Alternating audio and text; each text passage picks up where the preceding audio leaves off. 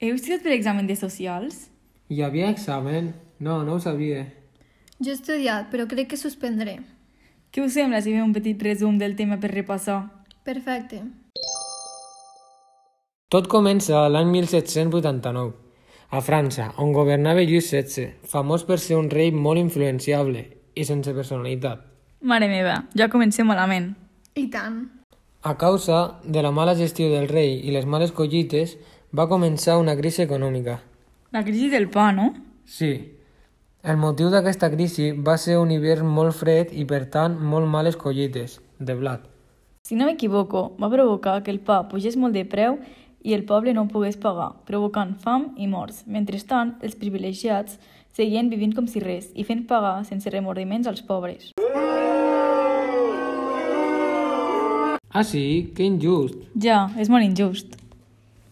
A tot això, la solució del rei va ser convocar el Parlament després de molt temps per fer pagar els impostos als privilegiats, ja que el poble no podia permetre-s'ho. I qui era el Parlament? Es formava per un representant de cada un dels tres estats, el clero, els nobles i el poble. I el rei?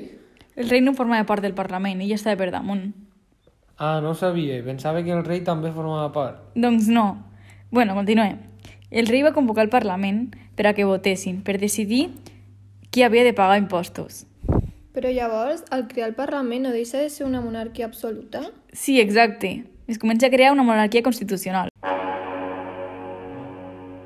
El poble es nega a votar, ja que sabien que perdrien perquè els nobles i el clero sempre votaven en contra del poble, el que significava dos vots contra un.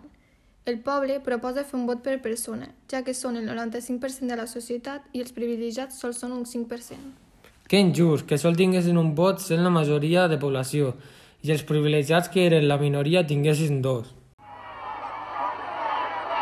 Els nobles es neguen i la població indignada marxa del Parlament i decideixen reunir-se en un frontó i fer un jurament, acabar amb l'antic règim. No tenia un nom aquest jurament? Sí, sí, és veritat, el G de Pom. El 14 de juliol de 1789, el poble ocupa la Bastilla, la presó més important de París. I per a què ocupen la Bastilla? Ocupar la Bastilla serveix als revolucionaris per agafar armes i alliberar presos injustament empresonats. És a partir d'allí que els nobles i els reis comencen a tenir por.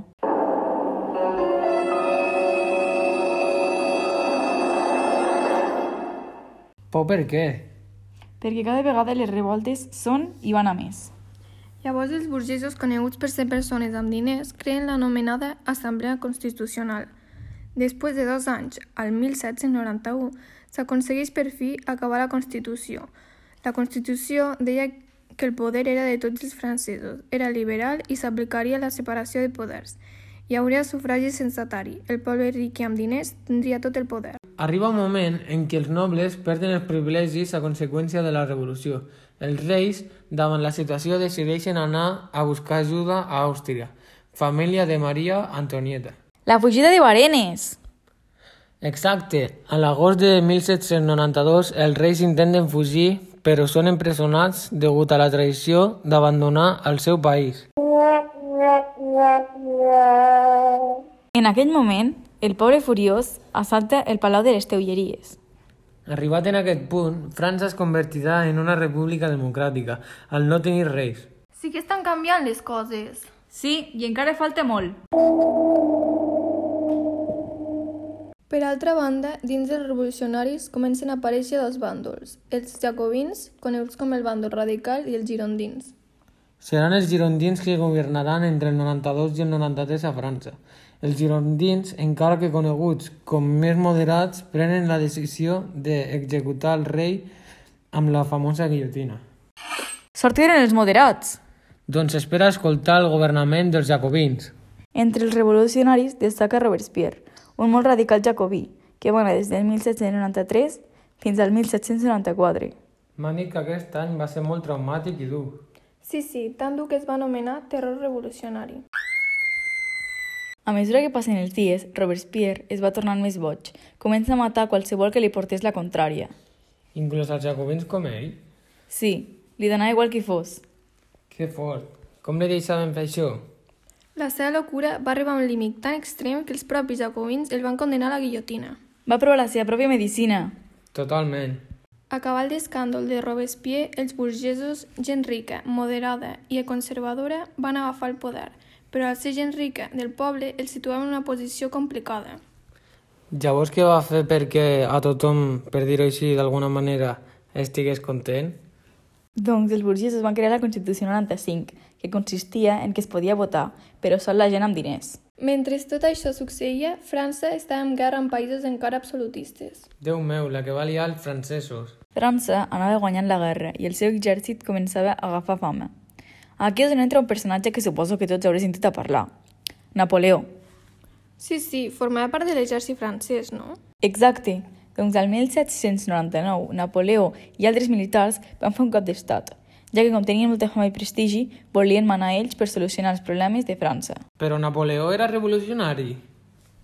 És clar, tot l'exèrcit ho era de revolucionari, si no, no haguessin lluitat contra els països absolutistes. Ah, clar, no hi havia caigut. Doncs com estava dient, al 1804 Napoleó s'autoproclama emperador de França i es dedica a conquerir tota Europa. I per a què vol conquerir Europa? per poder difondre el liberalisme per tota Europa. I ho aconsegueix? És complicat d'explicar. Porta el liberalisme a tota Europa, però no ho fa de la millor manera. No ho entenc. Doncs que ell anava per les ciutats europees difonent el liberalisme, dient-los que ells els hi aconseguiria separació de poder, el que suposaria la fi de l'antic règim, i també deia que el poble seria ric i tindria tot el poder. Primer l'accepten, però quan va passant el temps i veuen que Napoleó no ha fet res del que els hi havia promès, el fan fora. Ostres, que malament! Ja, ja. Però bueno, almenys va expandir el liberalisme per tota Europa. D'una mala manera, però ho va fer. Tens raó. I després què va passar? Doncs al 1815 Napoleó parla de la seva última batalla a Waterloo. Jo conec una cançó que es diu Waterloo. És de Abba.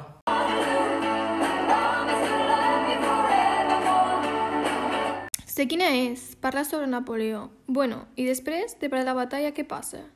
Empresonen a Napoleó a l'illa Santa Helena i allí mor, sol. Pobret, després d'haver ajudat tant en la revolució, l'empresonen i el deixen en una illa sol. Ja, que injust. Ah, doncs això significa que aquí acaba la revolució francesa, no? Sí, acaba però no del tot. A Europa hi ha una restauració. Com? Què passa? Torna l'antic règim al morir Napoleó? Bona pregunta. Doncs sí. Encara que sembla molt estrany i sorprenent, torna, torna. Jolín! Però bueno, tranquils, que la restauració va durar poc. I això? Va haver una altra revolució? A veure, la situació clarament no era la mateixa que la primera vegada. La gent ara ja sabia el que era la llibertat, tenir drets. És per això que la gent va lluitar per recuperar-ho. El procés va ser lent i progressiu. I com va passar?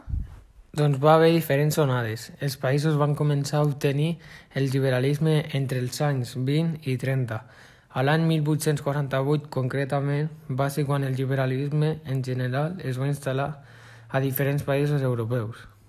Gràcies a això s'acaba l'antic règim, el que suposa el final de la monarquia absoluta, l'esclavitud i la pobresa a causa dels impostos o de la rea- reialesa en general. Que bé, per fi aconsegueixen allò pel qual portaven tant temps lluitant. Sí! Ah, doncs aquí s'on acaba tot, no?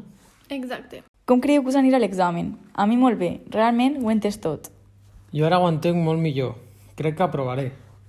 Jo suposo que aprovo, però espero treure més d'un set, si no els meus pares em mataran. Bona sort a tots! Bona sort!